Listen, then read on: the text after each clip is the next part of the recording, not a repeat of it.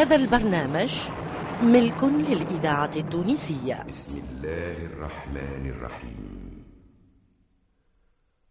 محمد رسول الله. والذين معه أشداء على الكفار رحماء بينهم. صدق الله العظيم.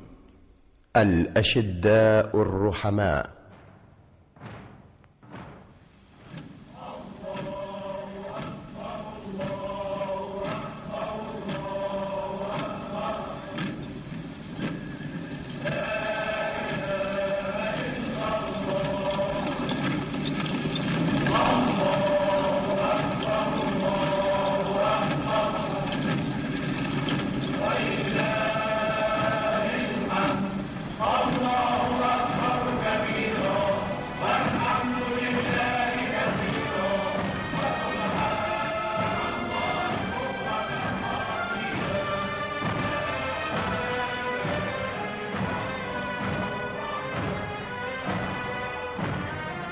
موعد تلتقون فيه مع الفرقة التمثيلية للإذاعة التونسية.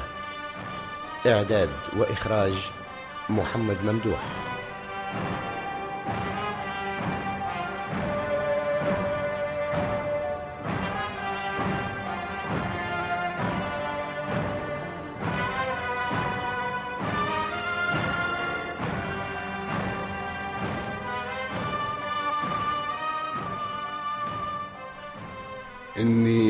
أشرب شيئا يذهب عقلي ويضحك بي من هو أدنى مني ويحملني على أن أزوج ابنتي من لا أريد.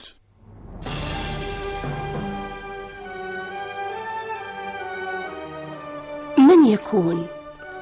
إنه من أصحاب رسول الله صلى الله عليه وسلم. نسوق لك صديقي المستمع أهم مراحل حياته وتتولى أنت الكشف عن اسمه.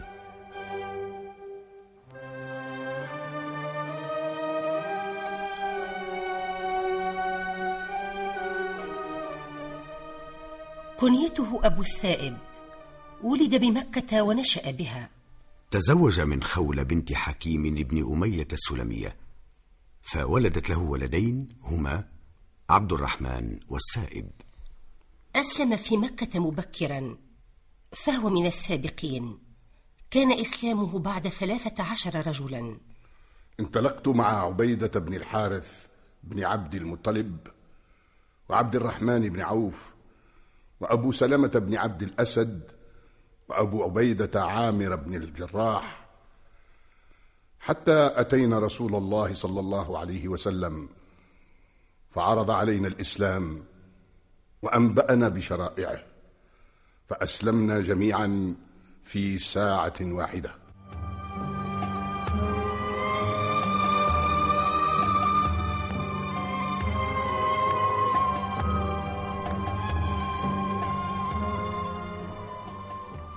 كان إسلام هذا الصحابي قبل دخول رسول الله صلى الله عليه وسلم دار الأرقم وقبل أن يدعو فيها.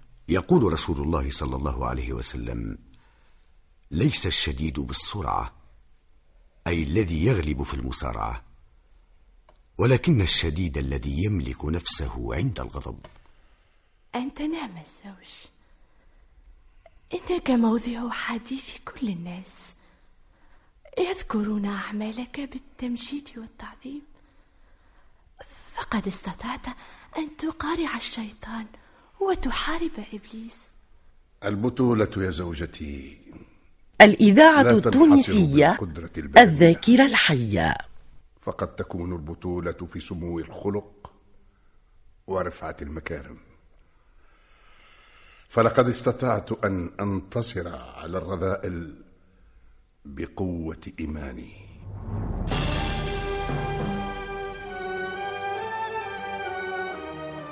من يكون؟ إنه من أصحاب رسول الله صلى الله عليه وسلم. نسوق لك صديقي المستمع أهم مراحل حياته وتتولى أنت الكشف عن اسمه.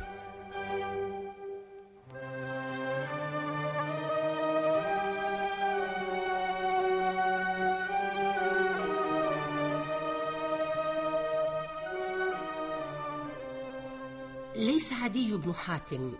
ولا العباس بن عبد المطلب. ليس عمير بن سعد ولا زيد بن الدثنة. إنه من المهاجرين إلى الحبشة حين اشتد أذى قريش بالمسلمين وأذن لهم رسول الله صلى الله عليه وسلم بالهجرة.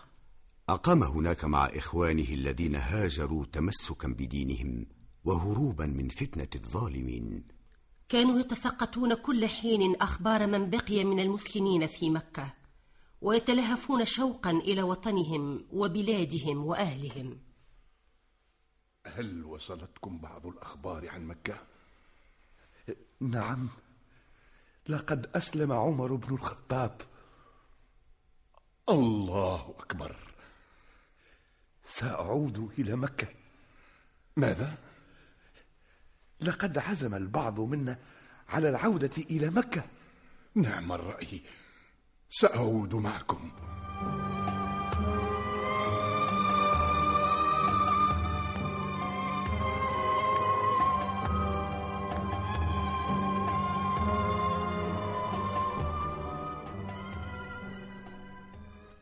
ويعود مهاجر الحبش إلى مكة ليجدوا قريشا ما تزال على عنادها وجبروتها وطغيانها وقسوتها. ويقرر الصحابي العودة إلى الحبشة. حيث الأمن على النفس والأمان من الفتنة في الدين.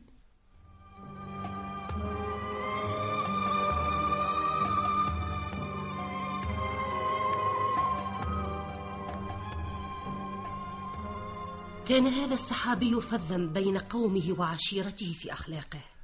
كان يحرم الخمر في الجاهلية وقبل بعثة النبي صلى الله عليه وسلم. ويسأل أحيانا لماذا يرى الخمرة حراما؟ إني لا أشرب شيئا يذهب عقلي ويضحك بي من هو أدنى مني ويحملني على أن أزوج ابنتي من لا أريد. وبعد هجرة النبي عليه الصلاة والسلام إلى المدينة المنورة نزلت آية تحريم الخمر. حرمت الخمر يا أبا السائب. حرمها رب العالمين. تبا لها. قد كان بصري فيها ثابتا.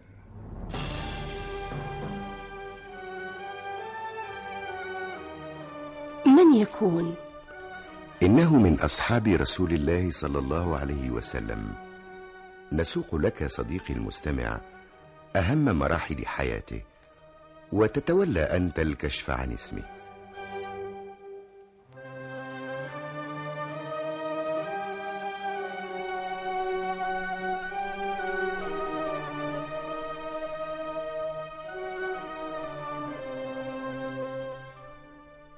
ليس عقبة بن الإذاعة التونسية الذاكرة سعد بن الحية الربيع ولا الزبير بن العوام.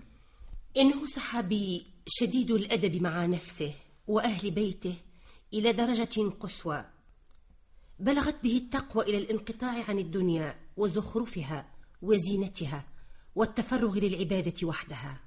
ولكن رسول الإنسانية عليه الصلاة والسلام بلغه ذلك. فاستدعاه وقال له أليس لك في أسوة حسنة؟ فأنا آتي النساء وآكل اللحم وأصوم وأفطر. إن خصاء أمتي الصيام وليس من أمتي من خصى أو اختصى. ويرزق هذا الصحابي لتوجيهات رسول الرحمة عليه الصلاة والسلام إلا أنه ظل في صراع مع نفسه مدة.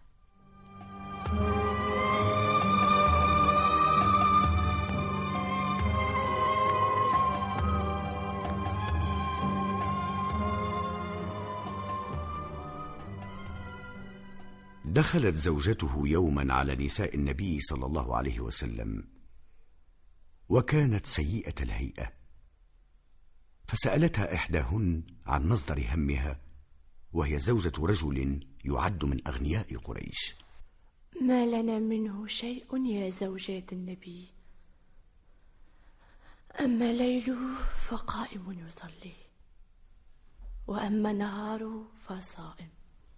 ويدخل النبي عليه الصلاة والسلام على نسائه فيذكرن له ما سمعن ويتجه رسول الله صلى الله عليه وسلم إلى السحابي سائلا إياه أما لك بي أسوة؟ بأبي أنت وأمي يا رسول الله وما ذاك ويسأله عليه الصلاة والسلام أتصوم النهار وتقوم الليل؟ إني لأفعل يا رسول الله. وهنا يلقنه درسا في المعاملات الحياتية قائلا. لا تفعل. إن لعينيك عليك حقا وإن لجسدك عليك حقا وإن لأهلك عليك حقا. فصلي ونم وسم وأفطر. وتأتي زوجة الصحابي إلى نساء النبي عليه الصلاة والسلام بعد ذلك كأنها عروس. تسألين يا زوجة النبي ما الأمر؟ لقد أصابنا ما أصاب الناس والحمد لله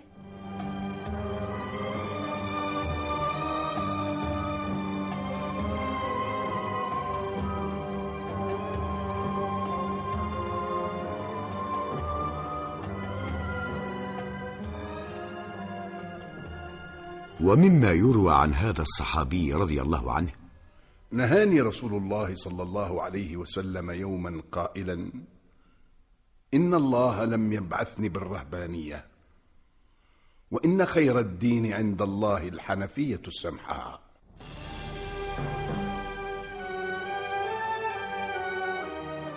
من يكون؟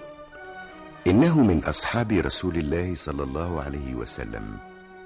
نسوق لك صديقي المستمع أهم مراحل حياته. وتتولى أنت الكشف عن اسمه.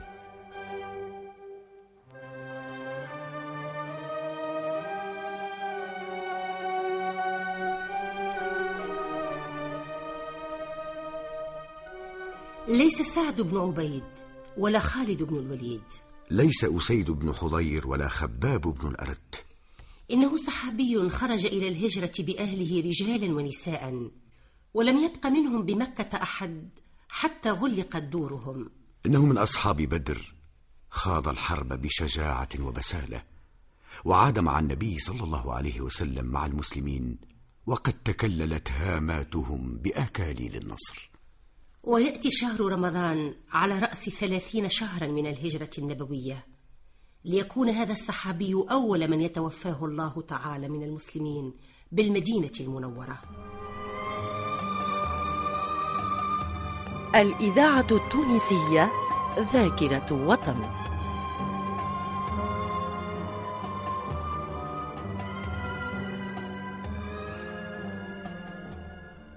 مما يروى عن عائشة رضي الله عنها أن رسول الله صلى الله عليه وسلم قبل هذا الصحابي وهو ميت. ودموعه تسيل على خد الجثمان الطاهر. صلى النبي صلى الله عليه وسلم على جثمان زوجه وكبر أربع تكبيرات في صلاته ثم أخذ يبحث عن مكان ليدفن فيه زوجي ومن يتوفاه الأجل المحتوم من أصحابه. ويقف صلى الله عليه وسلم أمام البقيع قائلا أمرت بهذا الموضع. فكان أول من قبر هناك هذا الصحابي الجليل من يكون؟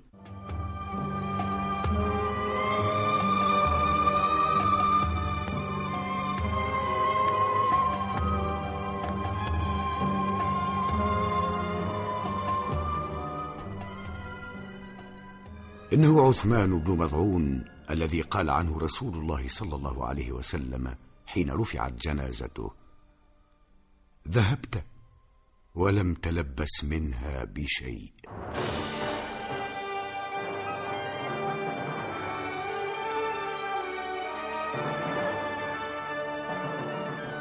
صديقي المستمع لنا لقاء آخر بحول الله مع صحابي من أصحاب رسول الله صلى الله عليه وسلم. نسوق لك أهم مراحل حياته وتتولى أنت الكشف عن اسمه.